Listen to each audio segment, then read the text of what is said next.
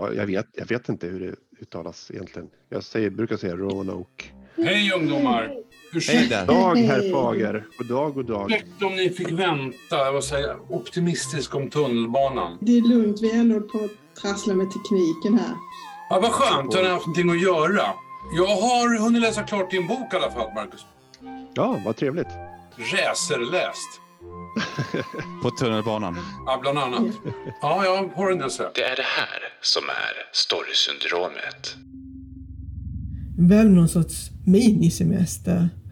Och studenter som vi var, och inte med så mycket pengar, så tittade vi vad som fanns. Och så hittade vi Gålö utanför Stockholm där det fanns en liten här stugby campingställe.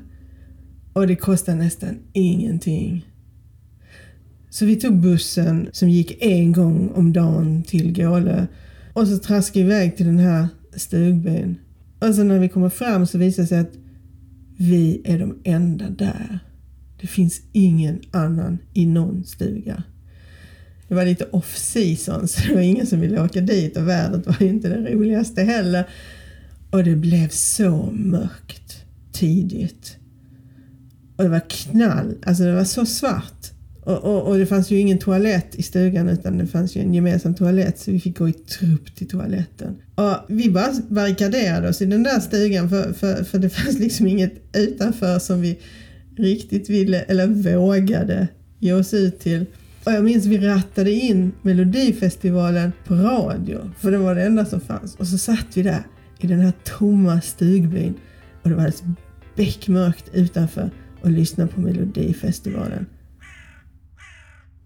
Ja, för sen så kommer en bilar med strålkastare på taken och folk i pickuper med gevär eller någonting och så startas det en massaker. Nej, nu är det min fantasi Nej, som det kom absolut iväg. ingenting. Jag tror att det var det. Det var just, just den här tomheten och, och avsaknad av liv som gjorde det så läskigt. Och sen kunde vi inte ta oss därifrån för att den enda bussen som fanns var den vi hade kommit med. Jag, jag tror jag vet vad du eh, talar om för att eh, det finns flera tillfällen i mitt eget liv där jag har upplevt samma sak. Och jag, det är den här konstiga känslan av att här borde det vara fullt av liv, men det är inget liv, det är bara kulisser överallt. Och man börjar nästan tro att man går omkring i en kulissvärld. Och det kan vara, jag kommer ihåg när för många, många år sedan jag var ung så var jag och min flickvän i Acapulco. Vi hade åkt dit och, och vi skulle åka till en strand i den gamla delen av Acapulco. Och när vi eh, hoppade av bussen så visste vi inte riktigt var vi hoppade av. Och sen så gick vi, för att där vi hade hoppat av var det bara husfasader överallt. Tomma byggnader, hus som hade börjat bygga, skyskrapor typ, nej men kanske eh, sju, åtta våningshus som hade börjat, byggas men som var tomma. Det var bara de här cementskeletten där. Och kombinerat med de här gamla husen med målade fasader och målade skyltar. Och det var helt öde i den här delen av världen som man har i huvudet tänkt på att Acapulco, du vet, det är tjo, och stim och fest. Och det var så konstigt och vi visste inte var har allting lagts ner. Och sedan så hittade vi rätt till, det här, till den här stranden vi skulle till och där var det plötsligt fullt med liv och det var servitörer i vita eh, skjortor och flugor och allt var bra. Men ja, det jag kommer ihåg som mest, det är just den här turen genom de här öde områdena där ingenting hände. Förmodligen hade det, det var i ekonomiska, den här ekonomiska krisen då kring sekelskiftet så, så förmodligen det spelat roll. Sen kommer jag också ihåg att vi drack väldigt goda drinkar och att de här servitörerna varnade oss för vågorna för vi inte fattade hur farliga de kunde vara. Men det är en annan historia. Det vi egentligen talar om du och jag här, det är det som kallas för liminala platser. Eh, och limin, eh, liminal, det betyder mellanrum eller en tröskel eh, på väg till någonting annat. Och ordet eh, liminal, det var ett eh, begrepp som socialantropologen Arnold eh, van Gennep använde i sin bok Rights of a Passage 1908. Och då använde han det som en, att det var en beteckning för en initiationsrit innan den precis blev fullbordad. Alltså en, eh, den där punkten från när man gick från något tillstånd till ett annat. Och just sådana här platser, det kan ju vara väntrum, det kan vara parkeringsplatser, eh, parkeringsbyggnader och flygplatser, korridorer. Det finns ju någonting med de här platserna som lockar till fantasin, eller som talar till fantasin. Precis som campingen du talade om. Som var helt tom och öde. Men det var fortfarande samma camping som kunde sprudla av liv. Och när du berättade om din upplevelse där, jag i mitt huvud började genast tänka på, men vad kan hända? Och jag började tänka lite grann i termer som att det här är ju en skräckberättelse. Just den här känslan att komma till ett ställe där det borde vara liv. Tänk, tänk om det är en hel stad som är tom. Och, och då menar jag inte, det finns ju öde städer eller Ödeställen, speciellt exempel i vilda västern så finns det ju sådana här ghost towns där ingen bor, där husen är som just kulisser. Eh, men tänk att komma till ett ställe där man vet att här borde vara, och det är bara helt tomt. Ingenting. Just det där att livet har blivit avbrutet mitt i. Det finns liksom ingen, eh, inget avslut, det är bara liksom bortslitet från, från nuet. Och lämnats kvar som liksom små rester eh, som visar att här var någonting. Men, men, men nej, det, finns, det finns något eh, nästan gapande sorgligt i en sån bild kan jag tycka. Så är det kaffemuggar kvar på borden med kallt kaffe i och en halväten macka kanske finns kvar på köksbordet. Och vi har ju en författare som såg att här finns det berättelse att skriva och det är Marcus Sköld som precis har kommit ut med sin bok Folktomt på Kraxa förlag, vilket råkar ju vara Vårt. vårt förlag. Ja. Yes, det är därför vi brinner för det här ämnet, för vi tycker den här boken är så bra. Och vi känner att vi vill ju diskutera med Marcus om just hur han lyckades skriva en berättelse som är så spännande när han skriver egentligen om en helt tom plats. Hur gör man det? Och vilka svårigheter och liksom vad, vad stöter man på Ja, eh, när, man, när man ska ta sig an det. Och, och vi, vi tog en diskussion med Marcus om det här tillsammans med eh, författaren Anders Fager. Som också hade en hel del att säga om liminala platser och hur man uttrycker dem när man skriver om det och hur man, man gör. Så eh, vi kan väl bara kasta oss rakt in i den diskussionen med Marcus och Anders. Eller hur Henrik? det gör vi. Yes. Och Anders Fager, han debuterade 2009 med Svenska kulter som en skräcknovellsamling och han har fortsatt skriva efter det. Bland annat har han skrivit eh, Kråkorna som nominerades till Augustpriset för barn och ungdomsböcker 2020 och han skrev den tillsammans med Peter Bergting då som illustrerade den här boken och den är alldeles lysande som vi kan rekommendera alla att läsa. Ja, och det senaste, senaste han kom ut med var Bläckfisken och den japanska sjömannen. Men vi kan väl bara kasta oss rakt in i diskussionen med Marcus och Anders. Det gör vi. Här kommer de. Eh, Jag skulle vilja påstå att någonstans, om vi tar Marcus bok, dag två, när hon vaknar upp och den här fotografen är försvunnen, då är vi fortfarande i ett mysterium. Sen blir det något annat, för då börjar vi hantera ett problem snarare än att försöka lösa ett mysterium. Ja, ja och jag tänker så att det kanske måste vara så om sådana här liminala platser, att det, att det finns en, att det går från ett stadie till ett annat. Ja, precis. Eh, Det där är ju det där är ett problem, en problematik som man har, liksom, som jag hade i alla fall när jag, när jag skrev eh, den boken. Att hur, hur, hur, hur länge är det överhuvudtaget intressant att gå runt i de här liminala platserna? Liksom? Och, eh, någonstans så eh, tänker jag att den här eh, känslan av eh, att man är i på en, på en plats som är onaturligt tom, att den inte är lika underhållande längre. Och att man får gå över i något annat stadium där. Men vad, vad, vad sådana platser gör med eh, de som eh, är på de här platserna, det är att de går inte ut ur det som samma person som de gick in i platsen på. De, det blir en förändring.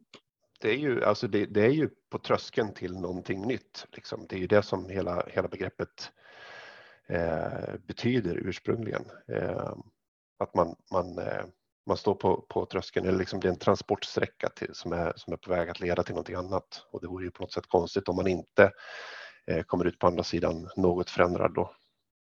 Man har ju liksom eh, den klassiska beteckningen av, av liminala platser som, som, som korridorer eller som trapphus eller hissar eller ja, för all del tunnelbanan. Liksom. Det är liksom en, en transportsträcka som, eh, som man behöver, behöver ta sig igenom. Flygplats, det, det kusliga. eh, Flygplats, terminal. exakt. Ja, exakt. Och sen så har det ju tillskrivits det här och det är det här, jag tror att det är här som är så, så intressant för oss som eh, roar oss med skräck och sånt. Att eh, man har tagit det här li- lilla extra steget till där, där de här normala platserna är, eh, är, är onaturliga på något sätt. Ett trapphus är inte skrämmande förrän du blir fast där på något sätt. Och det tror jag Ja, men det är sant, verkligen. En, en, en eh, flygplats är ju bara tråkig tills du inte kommer därifrån. Ja, men exakt. Ja, för vi diskuterade ju det innan inför det här eh, också, att alla, när man, om det är turistplatser, som om om man är på en, eh, en eh, nöjespark som är tom, eller man är liksom i badort där det inte finns några turister eller folk, alltså det blir också nästan kulissaktigt av det. Mm. Men ett hem däremot, där, där får man ju den här känslan att det här har funnits liv. Ja, det är också det som är så krypande. Vi pratade då också, jag nämnde att eh, det här är väldigt länge sedan, men det är också ett 20-tal år sedan, så jobbade jag eh, vid en jag, jobbade, jag hade ett kontor i en nattklubb, eh, KB i Malmö om ni känner till det, Kulturbolaget. Ja, och det var så märkligt, på den tiden så bodde jag nästan bokstavligt talat på KB för att det var väldigt mycket konserter och det var mycket på kvällarna och så. Men så gick man där sen mitt på dagen, klockan 11. Och den här lokalen, där alla de här, eh, den här euforin som fanns på natten, ljusen som blinkades, röken och allt vad det fanns. Det var ju som bortblåst. Istället var det en fruktansvärt ful lokal kvar. Fruktansvärt ful lokal och man såg ju hur enkel den var. Och att gå omkring i den där lokalen på dagen, det, det, det, var en lite kryp, det gav en lite krypande känsla i mig. Det var nästan lite obehagligt. Men några timmar senare, när mörkret kommit, ja, men då var det helt annorlunda. Då fanns en enorm värme där och enorm glädje och en eufori. ja, det var, så där var det nästan dagen som gjorde det obehagliga och skräcken istället för mörkret och natten. Det är väl lite grann så med, med just de här platserna som vi pratar om, med liksom med, med tomma kontorsbyggnader eller flygplatser och så vidare.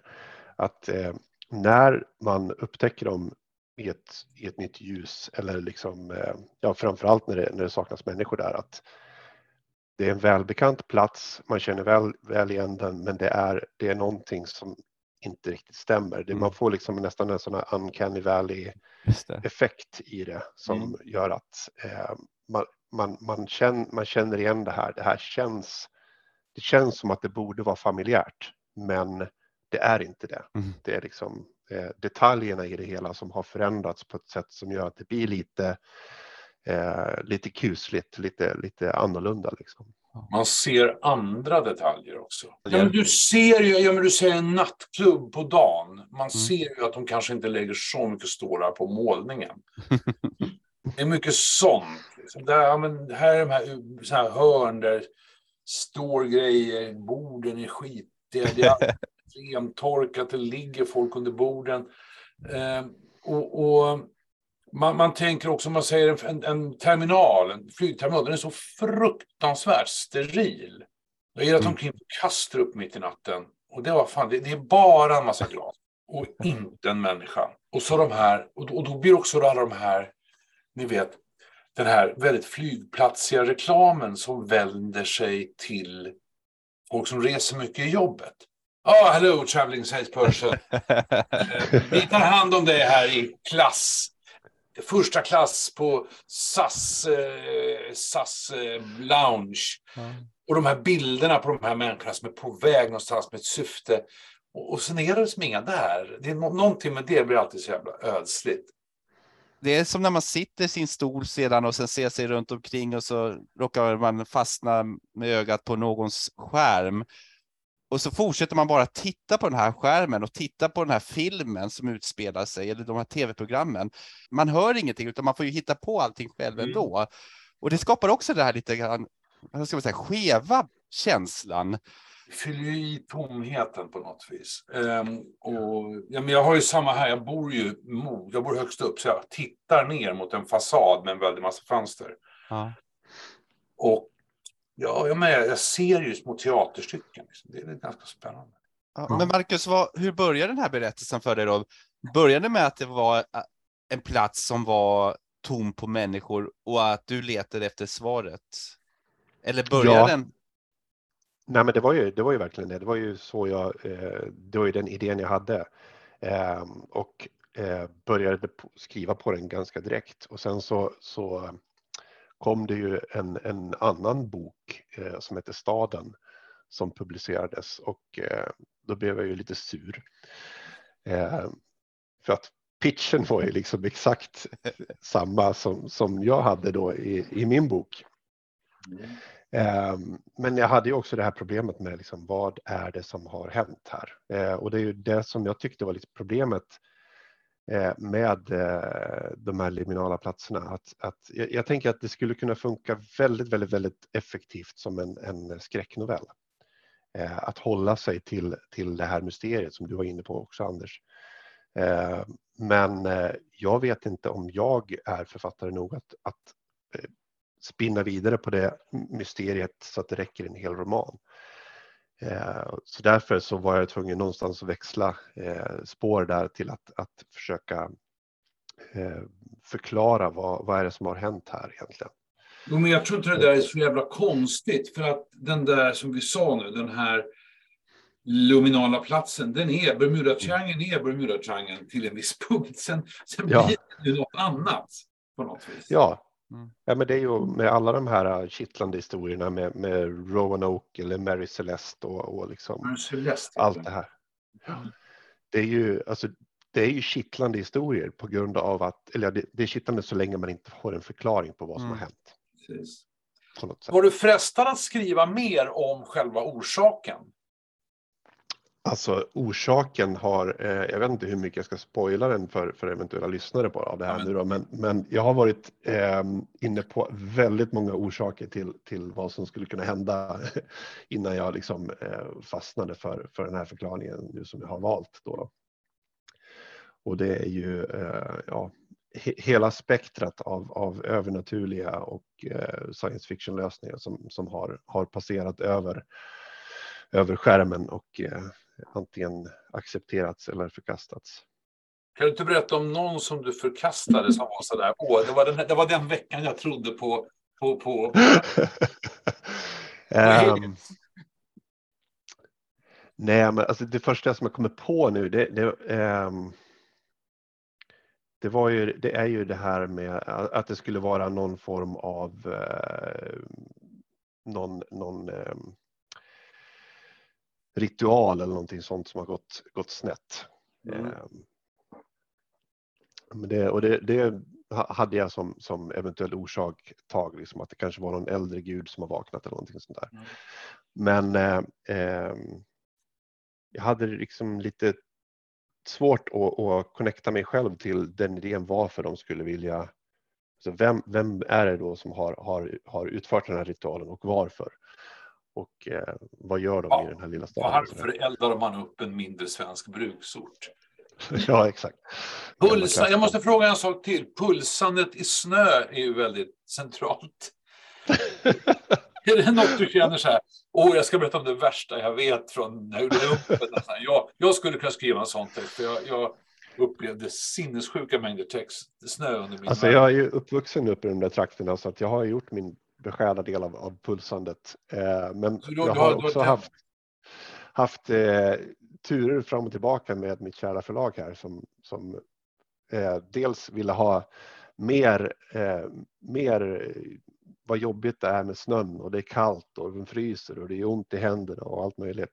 Samtidigt som, som eh, det blev väldigt många pulsa i slutändan så att jag har fått, jag har fått rensa bort ordet pulsa ett antal gånger.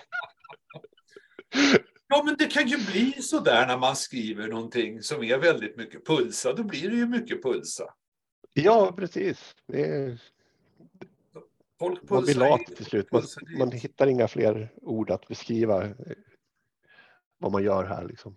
Nej, jag har suttit på något liknande där det är mörkt. På någon jävla skär i skärgården. Och det är mörkt. Och sen är det mörkt. Ja. Mm. Det är väl inte mycket mörkare än så. Nej, men jag tycker det funkar och jag tycker det känns trovärdigt. Och utan att det blir så här, åh, den läskiga naturen.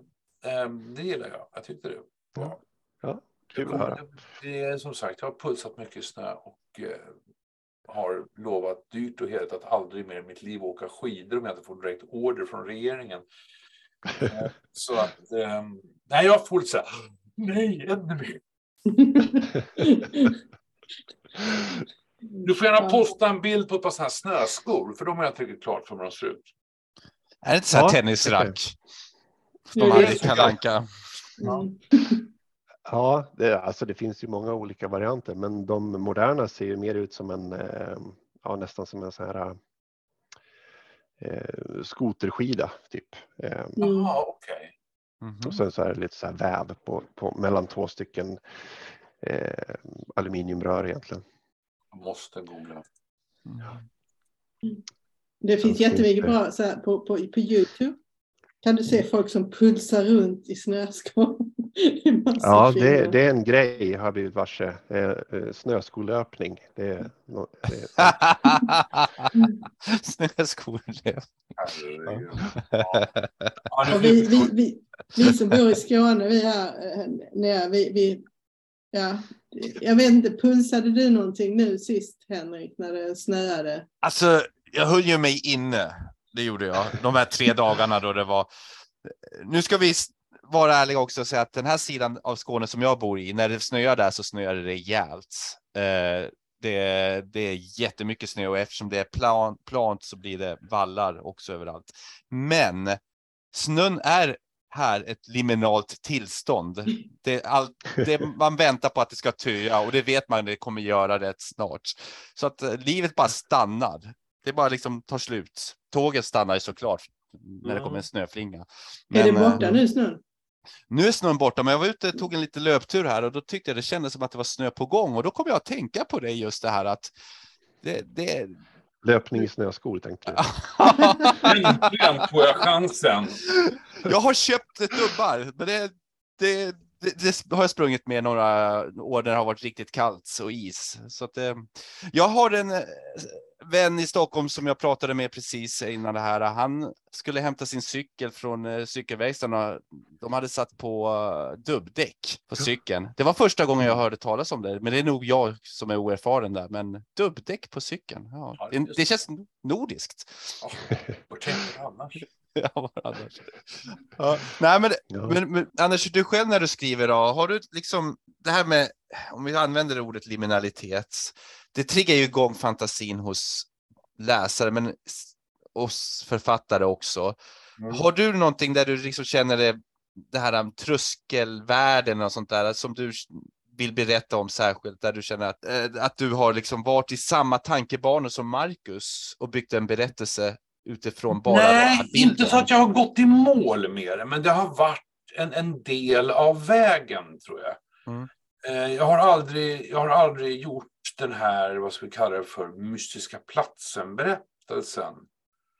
Ehm, och jag brukar skoja om att eh, det är två saker jag har kvar att skriva som är av de här liksom, som alla ska göra.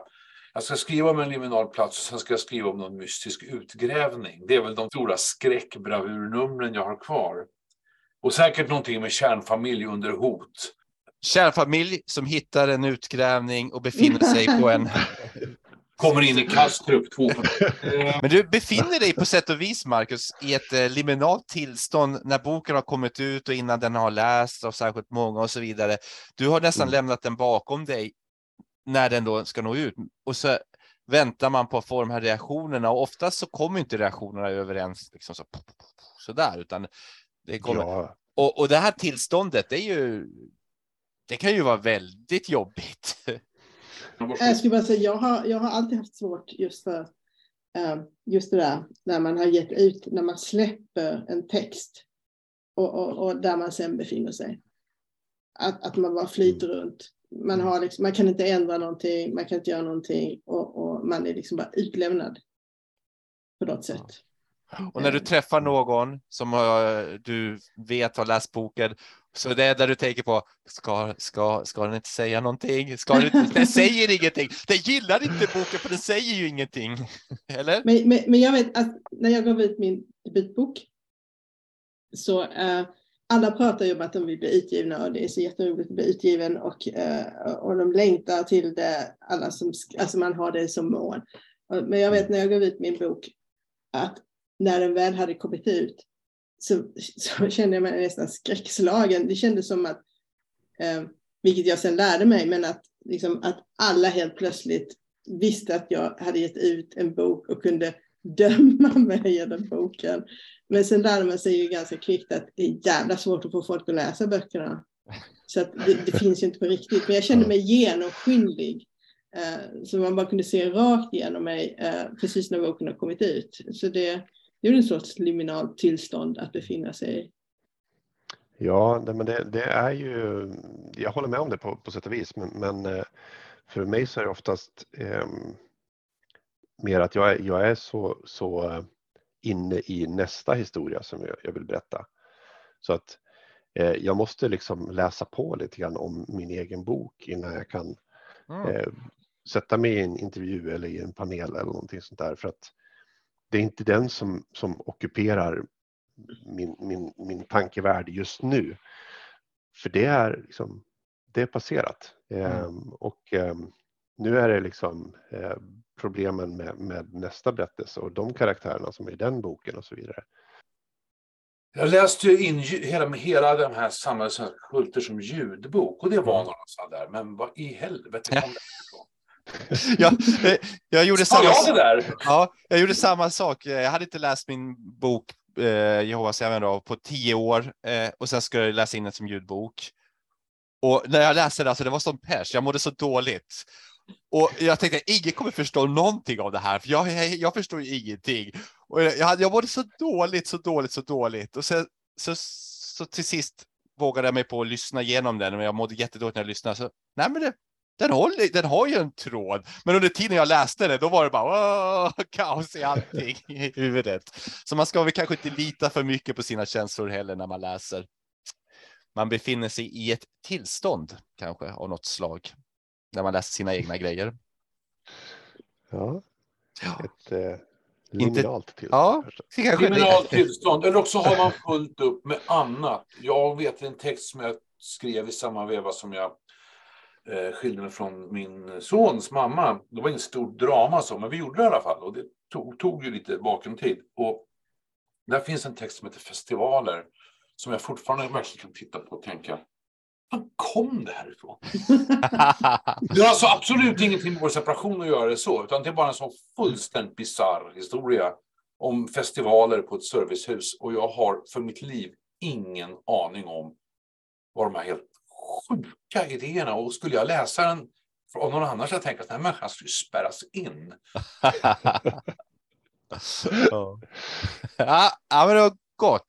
Det här var väldigt eh, kul att, att prata om liminala platser, trösklar till andra världar kan man säga och vad som händer på de här platserna. Och eh, Marcus, vi har ju jobbat, så, både Kristina och jag har jobbat så mycket med din bok och kan den på så sätt väldigt mycket. Så det har varit väldigt roligt att höra dina kommentarer, Anders, som liksom där du liksom precis eh, läst den och vad du har fastnat för, tycker jag. Mm. Ja, det, det är ett kapitel där det pratas mycket kaffe. Men är inte det lite grann som eh, Män som hatar kvinnor? Det är inte väldigt mycket fika i den också? Ja, det kan... jag, jag, tror bara, jag tror bara jag i hela Sverige som verkligen blir provocerad. Det kan ju vara jag. Men... Nej, det, det, det, däremot så någonting får inte hända med ett ryck så länge jag läser någonting. Det får aldrig finnas med. Jag vaknar med ett ryck eller sa, ryckte han till eller något liknande. Nej, då... Led med blicken över alla de läckerheter jag... som dukats fram. Men jag håller med dig det där med blicken. Alltså. Vad fasen är det med blickar ibland? Vissa bara tänker på blicken hela vägen. Arg blick, bestämd blick, sur blick, frågande ja. blick, vaksam blick. Men hade inte vi någon teori om att det, det, det alltså som vi har diskuterat innan, just när folk använder sådana här grejer, eh, Henrik, då, att eh, det, Ja. det, det är snarare att det är en metod som man har lagt sig till med eh, för att driva skrivandet framåt, Jo, men man plockar inte bort verktyget. precis. Mm. Var det inte det vi diskuterade? ja, alltså, det, snarare, det återkommer och Ja. det är mycket sånt. Att ett sätt att liksom skjutsa fram berättelsen. Precis. Jag att man, brukar, man, liksom, man har det som genvägar i huvudet när man skriver. Liksom. exakt, och jag brukar, när jag talar med studenter om det som jag handleder, så talar jag om att det är scena, scenanvisningar. Regissören berättar till författaren vad som händer. Men författarens jobb är ju liksom att visa de här sakerna såklart istället på något sätt. Eh, Men vi behöver det. Vi behöver det för oss själva kanske när vi skriver de här blickarna för att se scenen. Kanske. Ja, jo, jag, jag förstår vad du menar och att ja, det här skrev jag för att jag kom inte på något bättre just då. Precis. Ja, Det blir liksom någon sorts övergångs... Någon liminal textuell plats i det stora hela som för en från ett ställe till ett annat. Ja. Men Marcus Sköld och Anders Fager, tack så mycket för att ni ville vara med. I Ja, det var jätte... Ja. Och välkommen tillbaka. Himla trevlig bok den där Sköld har skrivit. det, det där ska stå i, som en blurb på din bok. Det är den bästa blurben. Så vi hörs kanske igen eh, någon gång, vem vet? Tack, tack ska ni ha. Och så var det en sak till. Folktomt av Marcus Sköld finns där böcker säljs och du får den till ett extra bra pris på kraxaforlag.se butik. Så skynda dit och köp din bok idag. Du har lyssnat på Storysyndromet med författarna Kristina Hård och Henrik Pettersson. Podden som inte kan låta bli att leta berättelser och hitta idéer. Vi finns på storysyndromet.se.